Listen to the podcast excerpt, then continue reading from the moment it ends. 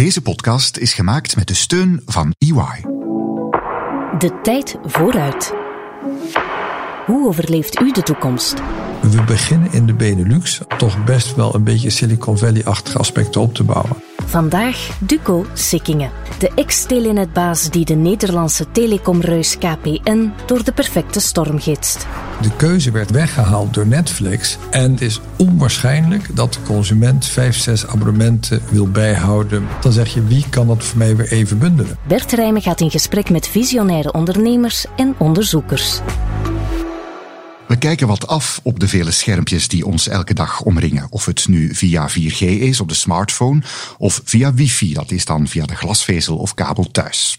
Hoe gaat dat in de toekomst veranderen? En hoe gaan de telecommunicatiebedrijven of telco's daarop inspelen?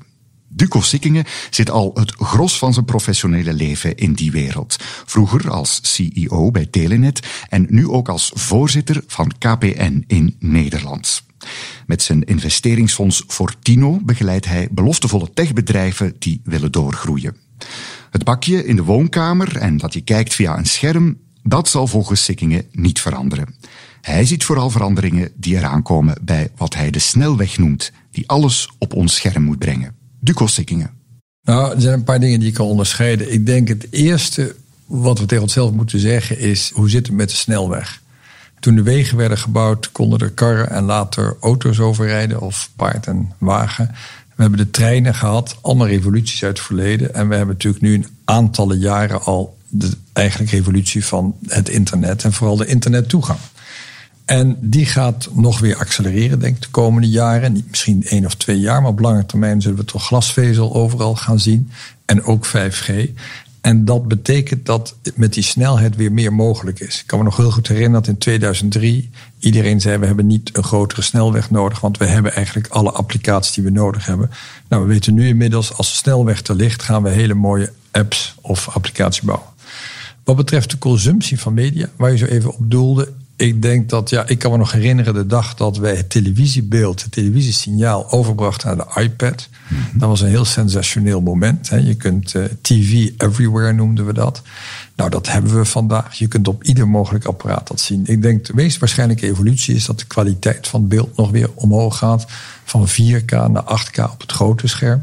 Grote schermen zijn weer meer in aan het komen. We hebben, hebben een tijd gehad de laatste tien jaar dat we naar het kleine scherm gingen. Er lijkt toch ook weer een opgang te zijn naar grote schermen te gaan binnen bedrijven en huishoudens. En als je dan nog weer wat verder kijkt, dan zou ik zeggen van ja, hoe gaat het nu met de aanbieders van content en dan met name entertainment? Mhm. Nou, jarenlang door de technologie hebben de zenders het daarvoor het zeggen gehad. Want dat was technologisch de enige manier om bij een huishouden te komen. Nou, door het internet kan iedere producent ook bij die consument komen. Maar niet iedere producent heeft per se de kritische massa. Want je kunt een mooi product hebben, het nog brengen bij miljoenen kijkers is natuurlijk een hele ander uh, pak mouwen. Uh, wat we hebben gezien is dat de traditionele telecom- en kabelleveranciers natuurlijk hun eigen aanbod hebben gecreëerd van films en series. En dat we nu in de tijd leven dat de digitale spelers dat weer naar zich terug hebben getrokken. Dus Time Warner is het mooiste voorbeeld met HBO. Die hebben jarenlang ervoor gekozen om dat eigenlijk echt bij de zenders en bij de kabeloperatoren en telecomoperatoren te laten. Het hen aan te bieden per titel en dan over te laten dat zij het in de bibliotheek zetten. En door de recente wisseling eigenlijk van CEO's bij Warner heeft men gezegd: nee, we verzetten de bakens. Wij gaan nu rechtstreeks leveren naar de consument. Nou, Disney heeft dat gedaan. Amazon zegt wij willen ook iets aanbieden. Apple wil dat en we kennen allemaal Netflix. Mhm. En dan zien we een beetje weer dat de klepel weer terugslaat. Of dat de cirkel weer rond is, zou ik bijna zeggen. Want daar waar de keuze werd gegeven door de kabel- en telecomaanbieder, die werd weggehaald door Netflix. Als je nu weer tegenover vijf, zes aanbieders van digitaal filmcontent staat, dan zeg je wie kan dat voor mij weer even bundelen? En we zien ook weer de trend dat de oude spelers weer de kans krijgen op dat bakje waar u net ja, refereerde. We willen dus waren dan als gebruiker in eerste instantie wat, wat verlekkerd door alles wat daar door nieuwe spelers werd aangeboden. En nu gaan we daarvoor terug naar de Telenet en Proximus binnen de Belgische context? Ja, dat denkt men wel. Dat is niet een zekerheid. En het is ook niet zeker of alle grote Disney's dat willen. Maar men zegt het is onwaarschijnlijk dat de consument vijf, zes abonnementen wil bijhouden met logins en dat soort dingen. Dus als er dan weer één partij opstaat die de rol van wat er genoemd verzamelaar of aggregator wil spelen, dan zou dat wel weer eens een welkome rol kunnen zijn. Dus er verandert veel in de wereld en soms verandert er ook heel weinig. Maar intussen heb je natuurlijk wel die spelers die zijn opgedoken. Ziet u die dan uh, ja, toch weer wat, wat kracht terug verliezen? Ik denk dat de originele content van spelers als Disney en met name ook Time Warner, denk ik, die zijn eigen studio's heeft, ja, die is gigantisch. Als je ook kijkt naar de kapitaalskracht van een Netflix, van een Apple, ja, daar zijn wij gewoon Europa. We hebben gewoon geen tegenspelers meer. We doen ons best om Europese content neer te zetten. Maar wat ons natuurlijk altijd parten speelt in de digitale wereld, is dat wij niet de kritische massa hebben van een hele grote thuismarkt. Als je China of Amerika bent, dan heb je een thuismarkt van honderden miljoenen. Nou, we hebben alleen maar honderden miljoenen op Europese schaal. En we weten allemaal hoe gefragmenteerd dat cultuurmatig is. Wil dat dan ook zeggen dat wat we in het verleden zagen, waarbij operatoren ook zelf als een soort producent van content gingen optreden, dat dat dan definitief voorbij is? Dat, dat die naar slimmer manier zoeken om daarmee om te gaan, om het publiek te bedienen daarin? De vraag is natuurlijk waar een operator zich in kan onderscheiden. En lange tijd, wat ik heb meegemaakt in de kabelindustrie, kon de kabelindustrie zich goed onderscheiden door snelheid. Nou, als daar glasvezel naast komt te liggen, dan is dat ook even een lastiger verhaal geworden. En dan moet je natuurlijk iets opzoeken waar je nog het verschil kan maken. En lange tijd, de laatste jaren, heeft men zich gefocust toegelegd op die content. En ook de ambitie gehad, ja, ik, als ik zelf iets doe, dan is het van mij. En kan ik aan mijn klanten wat laten zien. Ik zie dat in Nederland, ik zie dat in België. Heeft dat een enorme impact gehad? Nee. Is het aardig? Ja. Ik denk niet dat dat een, wat wij in vaktermen noemen, een echte unique selling proposition is geworden. En u verwacht dan ook niet dat dat als we het over naar de volgende jaren kijken, dat dat nog zal veranderen. Dat die evolutie eerder, ja, laten we zeggen, afbouwen is. Ik denk wel dat vanuit een stukje goodwill dat lokale operatoren lokale content zullen steunen. Dat is gewoon goed eh, burgerschap, zou je kunnen zeggen. Mhm. Maar gaan ze dat doen om echt een concurrentieel voordeel te behalen? Kijk nou naar de voetbalrechten, dat was jarenlang het onderscheidend middel. Dat is nu ook helemaal weg eigenlijk. Die rechten worden ook gedeeld in alle landen. En dat is eigenlijk in het belang van de voetbal gebleken, als ook in het belang van de kijker. Dus het is de vraag of die content voor de operatoren, anders dan het bij elkaar brengen van content, nu zo'n onderscheidende factor is. Die operatoren, zegt u, moeten zich dan meer toeleggen op waar ze wel een verschil maken. Is dat dan die snelheid? Is dat dan bijvoorbeeld dat glasvezelnetwerk? Telecomoperatoren, ik heb daar zelf ook heel dichtbij gestaan, hebben natuurlijk heel erg veel gedaan om bovenop die snelweg allerlei diensten te bouwen, lees digitale diensten. Maar er zijn niet veel telecom- of kabeloperatoren die succesvol zijn geweest in het uitbouwen van een betaaldienst. We zijn allemaal wel bezig geweest om veiligheid te bieden. Dat was natuurlijk essentieel, naast de toegang tot internet. Maar naast het verzorgen van goede toegang, uh, is er niet heel veel dat het verschil heeft gemaakt. En dat is ook niet erg. Dan moet je gewoon als schoenmaker je bij je leest houden. En zeggen, maar daar wil ik ook heel goed in zijn. Ik wil gewoon die infrastructuur goed doen. Je leest nu ook in de industrie wel eens dat men zegt... we willen de grote telecomoperatoren scheiden van hun netwerk. Hè, de service units, zoals dat mooi heet, scheiden. Dat heeft ermee te maken dat men zegt... ja, weet je, je moet je als bedrijf echt bij je leest houden... want dan kan je ook waarschijnlijk het meeste geld verdienen... of het meest rendabel werken. En al die dingen die er bovenop komen... nou, daar zet men wel eens een vraagteken bij. Maar als ik u zo hoor, is dat wel de evolutie die ook ja, wenselijk is. En die bedrijven, die telcos bijvoorbeeld, ja, ook, ook gezonder dan maken dat dit de way ahead is voor hen als je een sterke balans hebt als bedrijf, dan kan je diversificeren. En de vraag die ik me altijd gesteld heb, waarom heeft de telco-kabelsector in Europa, naarmate eigenlijk hun snelweg uitgerold werd, zich niet gedifferentieerd op digitale diensten waar ze wel hun mannetje konden staan? Waar ze mhm. echt kozen van hier gaan we, weet je, daar gaan we even onze positie ingraven. En ze hadden allemaal hele sterk kapitaalkrachtige balans om andere dingen te gaan doen. Er zijn uitgeversconcerns, uitgeversgroepen. Denk aan professionele uitgevers, zoals eh, Reed Elsevier of Wolters Kluwer. Die hebben zich helemaal omgevormd tot een softwarebedrijf. Mhm. En eigenlijk, diep in mijn hart, vind ik dat de telco-wereld dat ook had kunnen doen. Want die hebben heel gelijkaardige klantrelatie, abonnementsgedreven businessmodellen. En ik vind dat de telco-sector daar toch wel meer aan had kunnen doen. Maar het denken in Europa is dan altijd ook een beetje gedreven door de aandeelhouders. Focus, focus, focus. Maar als we naar Amerika kijken, zien we dat Amerikaanse bedrijven toch niet aarzelen om in de breedte een goede stap te doen. De verdelers van mediacontent, zoals Telenet en Proximus, zijn vandaag makers geworden met hun eigen programma's. En ook omgekeerd, waarbij de makers ook verdelers zijn, zoals Netflix. Volgens Duco Sikkingen zal het weer naar de oude situatie gaan, waarbij de makers makers zijn en de verdelers verdelers. Zal dat dan voldoende zijn om als telecommunicatiebedrijf stand te houden tegen de grote spelers zoals Netflix, Disney of YouTube? Kijk naar Solvay bijvoorbeeld. Solvay heeft een aantal jaar geleden een uh, heel groot bedrijf gekocht, hè, wat kunststoffen maakt. Mm -hmm. Nou, dat was totaal niet op dat moment de core business van Solvay. Maar ze hebben die stap gemaakt. Ze hebben gezegd, dat is de toekomst. Dus wij verplaatsen gewoon hè, de aandacht van ons concern. Of we gaan er dingen bij doen. Omdat we ons kunnen veroorloven. En daarmee versterken we onze groep. Mm -hmm. Maar het was een business die totaal nieuw was voor de groep. Nou, er zijn er heel veel voorbeelden te noemen.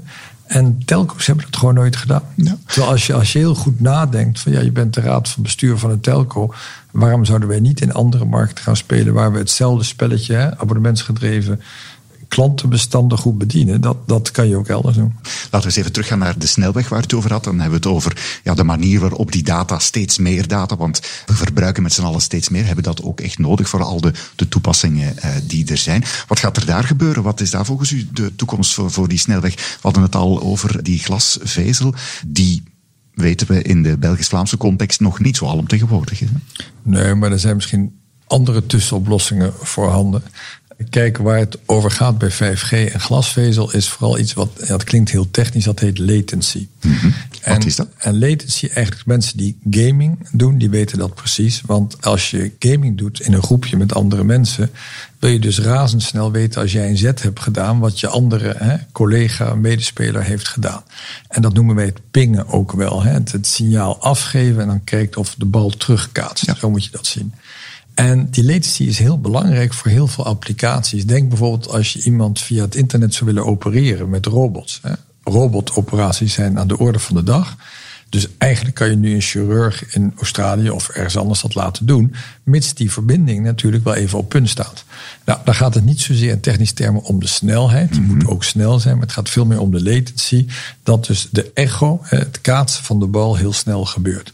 Je kunt je voorstellen dat als je naar de wereld van internet of things gaat, gaan heel veel sensoren plaatsen om dingen waar te nemen. Die data die proberen we dan te verzamelen en daar iets mee te doen. Nou, in die context is ook die latency heel belangrijk, 5G. Want hè, je moet heel snel, als je dingen waarneemt, kunnen reageren. Je moet misschien met een actie komen. Dus op die terreinen spelen die nieuwe netwerken een hele grote rol. En ik denk dat de komende jaren in België dat dat heel goed kan gebeuren via 5G. Dat is goed, want het is, het is niet zo evident. Het gaat ook met een bepaalde kost, denk ik, gepaard. En je moet het ook, ook uitrollen. En we weten uit verschillende vergelijkingen internationaal ook dat we binnen België, Vlaanderen dan nog wel een weg af te leggen hebben. Gaan we dat nog, gaan we ja, die catch-up kunnen waarmaken? Ik kreeg net vanochtend bij mij in de bus dat bij ons aan de rand van waar wij wonen gaat men de geluidsmuur vervangen. En dat kost 12 miljoen en dat is veel geld. Mm -hmm. En dat is ook nuttig, hè, want het is geluidsoverlast. Maar ja, hoeveel miljoenen zijn we bereid te stoppen in onze digitale snelweg? Dat laten we nu over aan de privésector. Dan zou ik die privésector wel de ruimte geven om dat geld te investeren. En de grote discussie die natuurlijk bekend is in België dat Proximus heeft heel veel broodheren. Het is de aandeelhouder die tevreden moet zijn. Het is de overheid die lage prijzen wil. En het is de klant en de industrie die snelle wegen willen hebben. Ja, dat is de kwadratuur van de cirkel. En die moet natuurlijk een keertje worden opgelost. Straks meer de tijd vooruit, maar eerst een boodschap van onze partner EY. Verzekeringen is een zeer conservatieve omgeving. En het helpt dan wel om die creativiteit te kanaliseren. In de nieuwe aflevering van de podcast Inzicht zitten we opnieuw in de Wavespace in Antwerpen. Een dertigtal verzekeraars krijgen een spoedcursus in design thinking. Zeker in een wereld waar het allemaal zo logisch is, is dat heel moeilijk om daar innovatie in te gaan brengen. Inzicht, een podcast van EY in samenwerking met Tijd Connect. Als je het bij het hart gaat nemen, zijn we wel allemaal een beetje wereldverbeteraars. Op je favoriete podcast-app. De tijd vooruit. De uitrol van 5G en glasvezel kost veel geld. En een bedrijf als Proximus moet daar volgens de Sikkingen ook de ruimte voor krijgen om die investeringen te doen.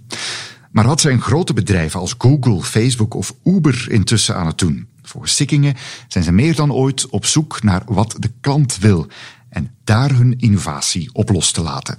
Winst maken komt er ook nog bij, maar vaak pas op de tweede plaats. De grote van nu zijn weliswaar dominant, maar het zijn ook niet echt meer de monopolisten van vroeger, volgens Duco Sikkingen. Destijds zei de Intel-topman alleen de paranoïde mensen zullen overleven. En dat ging het over chips en die alsmaar vernieuwd moesten worden. En ik denk dat de bazen en bazinnen van Google en Facebook dat niet vergeten zijn. Dus je ziet dat die ook met de snelheid van het licht nieuwe diensten lanceren. Dat ze bedrijven kopen om die innovatie binnen te halen als ze hem zelf niet kunnen waarmaken. En dat die bedrijven bereid zijn om jarenlang geen winst te draaien om het voordeel te geven aan de innovatie. Dus je kunt een aantal internetbedrijven veel beschuldigen, maar soms ook helemaal niet dat ze nou heel veel geld verdienen. Weet je, als je een Uber-ritje maakt, dan denk je niet, daar hebben ze een woekerwinst aan overgehouden. Want we weten allemaal dat Uber geld als water verliest. Misschien ook omdat ze dus gewoon sterk aan het groeien zijn. Dus die grote bespelers zetten de prioriteit op of innovatie en winst maken. Eh, Microsoft, goed voorbeeld, die doet beide. Google doet ook beide. Facebook begint beide te doen. Maar ze zijn allemaal toch heel erg bezig met de klant en het vernieuwen van wat ze kunnen doen voor die klant. En in dat opzicht is het woord monopolist denk ik, moeilijk begrip. Omdat wij bij een monopolist denken aan een bedrijf wat halstarrig niet meer meegaat met zijn tijd. Maar wel onze portemonnee nog wel leeghalen. Dat kun je ook niet zeggen. Hè. toen ik gisteravond was ik in Amsterdam. Liep ik ergens in Oud-Zuid rond met mijn Google Maps. Om mijn weg te vinden naar mijn volgende afspraak. Kijk, als ik niet wil accepteren dat Google iets met mijn data doet en daar een businessmodel aan vastkoppelt, dan moet ik misschien voor dat wandelingetje van een kwartier 25 of 50 eurocent betalen. En zou ik die willen betalen? Ik denk het wel. Ik denk als ik die keuze had gisteravond, had ik dat betaald. En als je heel dramatisch dat zegt, van ja, we zijn allemaal heel blij met het gratis zoeken op Google. Als Google de data niet meer mag gebruiken, mag ze dan per maand 20 euro van ons vragen voor het zoeken. Mhm. Ik durf erop te wedden dat 90% daar eh, makkelijk voor optekent per maand. We kunnen niet meer zonder. Is dat nog iets wat, wat zou kunnen veranderen? Want als ik probeer op een andere manier weer te geven wat u zegt, we hebben als gebruikers wereldwijd gezegd wij willen die dingen gratis en impliciet geven we toe, geven we onze data af om dat gratis gebruik mogelijk te maken. Ziet u dat echt nog veranderen? Nou, ik denk als de overheden heel strikt worden in dataverbruik en de businessmodellen die nu op data en adverteerders zijn gebouwd komen te vervallen, ja, dan zal men toch naar de consument en het abonnementsgedreven model weer gaan kijken. Dat lijkt mij een logische zaak. Kijk, als je het kijkt eh, naar de totale markt, dan de consument heeft nu nog niet zo te klagen. Waar ik denk dat men bezorgd is, en daar is een punt, dat de sociale media er wel voor zorgen dat je buurman en jezelf misschien in een hele andere wereld leven. Want allebei krijgen een totaal andere realiteit aangeleverd op basis van een profiel. En daar waar technologie bedoeld was om te verenigen en deuren te openen, wordt technologie nu ingezet om eigenlijk mensen in hun eigen wereld en eigen... Je eigen nou kokon. Eigen kokon te laten leven. En dat is het laatste wat we willen. Een ander aspect is dat het monopolistische aspect vooral speelt voor een aantal andere industriespelers. Denk aan adverteerders van andere media. Ja, die zien dat Google natuurlijk met zijn 90% marktaandeel, misschien is in sommige landen 80%, maar het is natuurlijk massief dominant. En natuurlijk kunnen zij over de prijzen dicteren. En, dat merk je ook. Als jij een reisbureau bent en je wilt het woord travel als AdWord kopen om te adverteren, dan betaal je daar gewoon schil voor. En als je toevallig het geluk hebt dat je iets maakt wat niemand opzoekt op het internet, ja, dan kun je het goedkoop krijgen. Totdat je als bedrijf succesvol wordt en dan zie je je eigen marketingkosten letterlijk gewoon stijgen met je eigen omzet. Dan komt gewoon dat Google ziet dat dat woord ineens succesvol is. Ja.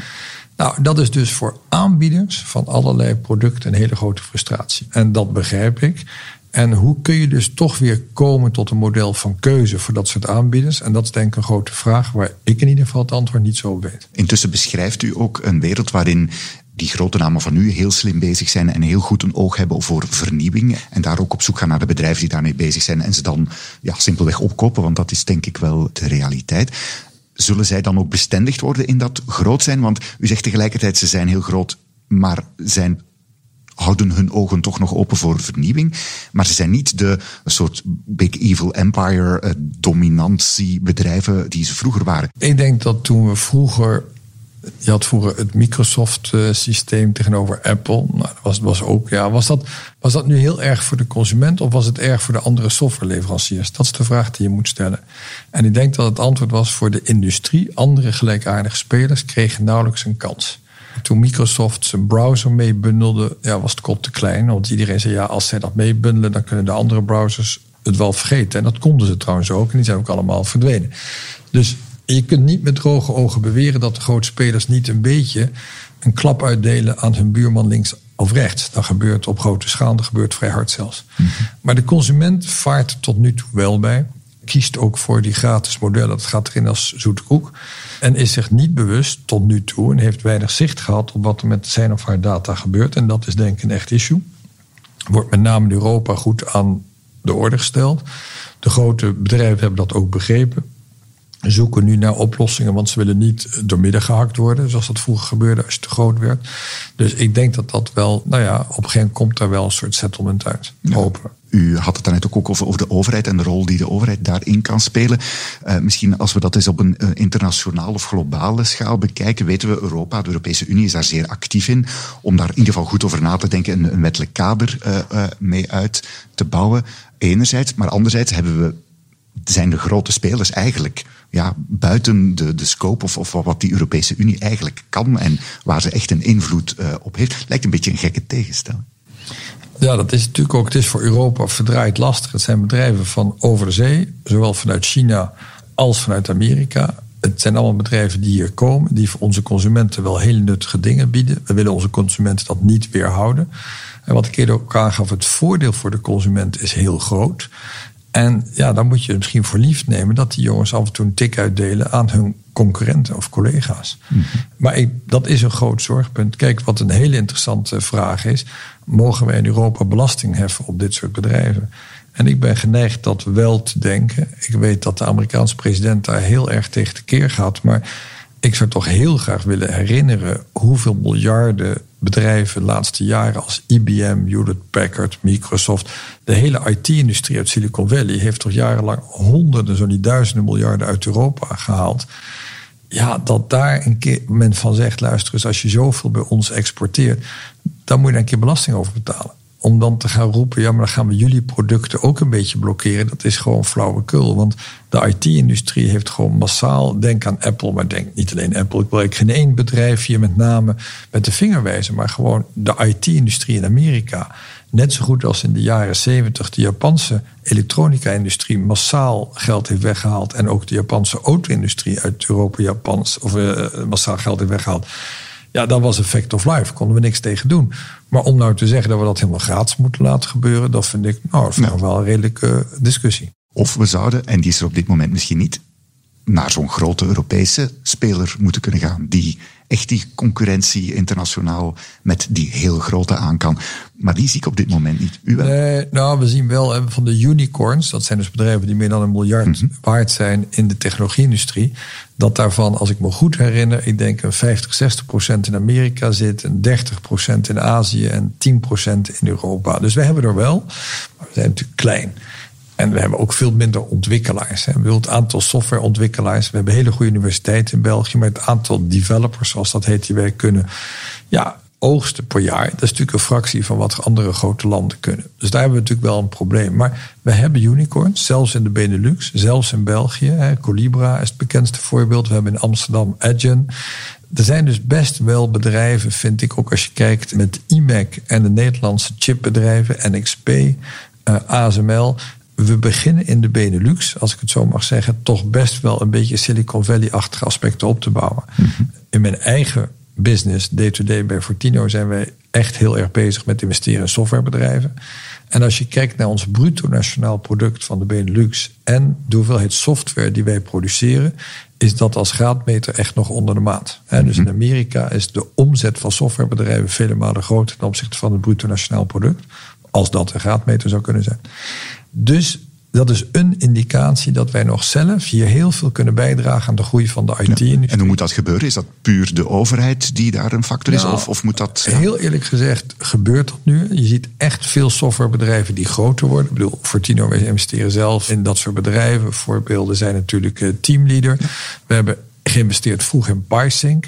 Uh, dat is nu inmiddels verkocht Amerikaans bedrijf. Maar ik wil daar ook mee aangeven, we kunnen in de Benelux technologie ontwikkelen die internationaal meetelt. Het kan verkocht worden, het kan in Europese of Benelux handen blijven, dat vind ik minder relevant. Maar als je kijkt vanuit de know-how die we in de regio willen opbouwen, want dat is in het belang eigenlijk van de welvaart, hebben we heel veel kansen om softwarebedrijven groot te maken. Daar is nog heel veel vraag naar.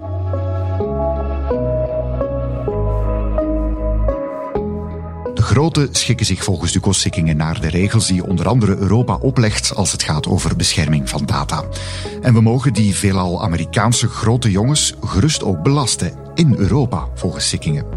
In de Benelux ziet hij langzaamaan een echte Silicon Valley op gang komen van sterke databedrijven die ook internationaal mee kunnen. Die moeten dan wel ook volop de kaart trekken van artificiële intelligentie, want daar ligt volgens Duco Sikkingen de toekomst. We weten allemaal dat artificiële intelligentie al heel lang bij ons is. Het is een verhaal wat, als je naar de eerste grondleggers kijkt, kun je al bijna nou, 70 jaar teruggaan, denk ik. Misschien nog wel ietsje meer. Maar het is van na de Tweede Wereldoorlog dat er echt in gang is gezet. En we hebben toen eind vorige eeuw de zogenaamde expertsystemen gekregen. En dat betekent dat waren systemen die al heel veel intelligentie naar voren brachten. Maar je moest ze nog wel uitleggen hoe een poes eruit zag. Als je ze uitlegde hoe een poes eruit zag, dan konden zij andere poezen vinden en ze onderscheiden van een hond. Wat de laatste jaren is gebeurd, is dat eigenlijk die systemen worden dus echt, als je praat over deep learning. Wat men bedoelt met deep learning is dat dat systeem niet eens meer van ons hoeft te horen hoe een poes eruit ziet. Dat maakt het systeem zelf wel uit. Dat is het grote verschil. Eén. Het andere grote verschil is dat bij deep learning nog iets anders gebeurt. Dat ze feedback kunnen begrijpen van de foute beslissingen die ze hebben gemaakt. Vroeger expertsystemen voerden uit bepaalde ingewikkelde instructies of volgorde van instructies. Maar bij deep learning, wat daar is gebeurd, is dat men eigenlijk in staat is als artificieel intelligent systeem om te leren van zijn eigen fout. Dus de feedback loop die bij mensen niet onbelangrijk is. Ja. En alle bedrijfsprocessen. Leren door fouten te maken. ineens bij algoritmes ook opduiken. En dat is gebeurd eigenlijk bij Google. Is dat een beetje uitgevonden in 2012. Mhm. Dus dat is de start geweest van de recente wave van nieuwe AI-oplossingen. Ja, die zie je nu overal komen. En wat het mooie is voor Vlaanderen is dat, en ik heb net een bedrijf gezien wat in die hoek opereert. Er zijn dus ontwikkelaars, softwareontwikkelaars in Vlaanderen, die dus die technologie hebben gebruikt en objecten hebben gebouwd, softwareobjecten, die heel veel andere softwareontwikkelaars kunnen gebruiken. Dus als je vroeger een website moest bouwen, ja, dan moest je heel veel zelf doen. Vandaag heb je met producten als WordPress een vrij makkelijke job. Hè. Er zijn ook andere mooie producten om websites te bouwen. Maar je kunt al vrij snel ver komen omdat een aantal basistools beschikbaar zijn. En bij AI gaan we datzelfde zien. Er komen nu steeds meer, wat wij dan noemen in technische termen, libraries, bibliotheken van heel veel softwareobjecten, die je kan gebruiken en waarmee je zeg maar als Lego mooie applicaties in elkaar kan zetten. Het aantal bedrijven in Vlaanderen, Benelux en Europa, dat daar zijn brood aan gaat verdienen, denk ik, gaat heel snel groeien. We gaan dus meer bedrijven zien die met artificiële intelligentie aan de slag gaan. En die gaan mij als gebruiker ook meer diensten aanbieden.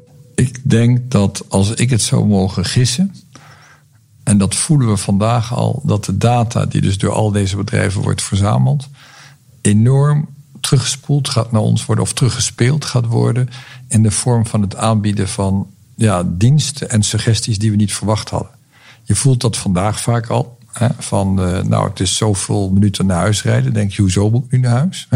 U vindt dat ik nu naar huis moet. Maar zij gaan ervan uit dat je rond, weet ik wat, zes, zeven uur waarschijnlijk naar huis rijdt.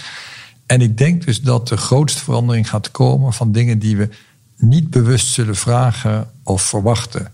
En dat dus de intelligentie van al deze systemen, alle ja, apps zoals we ze nu kennen, op een veel genuanceerdere manier bij ons gaan brengen. En daar ons eigenlijk veel meer nog gaan verrassen. Proactief, zeg maar, misschien zelfs nog voor ik eraan gedacht heb, mij iets aanbieden, suggesties doen in het dagdagelijkse leven? Is dat een soort omgeving? Denk ik. Ik denk ook aankopen doen. Het verbinden zijn met je lokale winkel gaat nog beter worden. Dus het connecteren van het aanbod van de wereld, en dan aanbod in zijn breedste zin gedefinieerd, naar u als consument toe. Ik denk dat dat nog veel soepeler gaat lopen.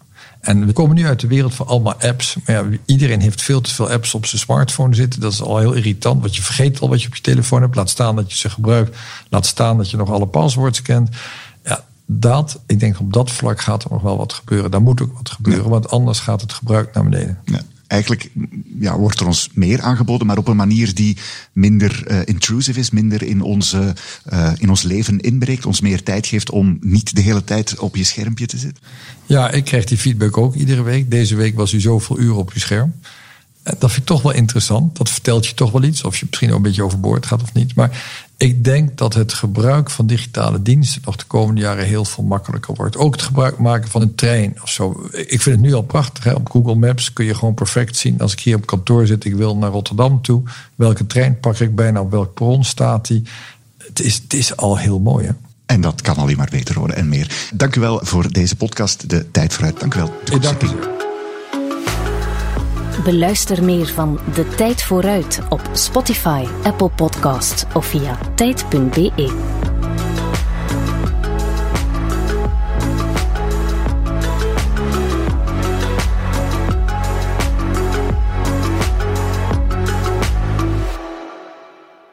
In de nieuwe aflevering van de podcast Inzicht zitten we opnieuw in de Wavespace in Antwerpen. Verzekeringen is een zeer conservatieve omgeving. En het helpt dan wel om die creativiteit te kanaliseren. Een dertigtal verzekeraars krijgen een spoedcursus in design thinking. De kunst van design thinking is comfortabel zijn met oncomfortabel te zijn. Net iets wat voor verzekeraars heel belangrijk is. We gaan op zoek naar hoe het hun businessmodel en onze maatschappij fundamenteel kan veranderen. Als je het bij het hart gaat nemen, zijn we wel allemaal een beetje wereldverbeteraars. Luister nu naar Inzicht, een podcast over ondernemers en de drive om hun bedrijf digitaal te transformeren. Op je favoriete podcast-app.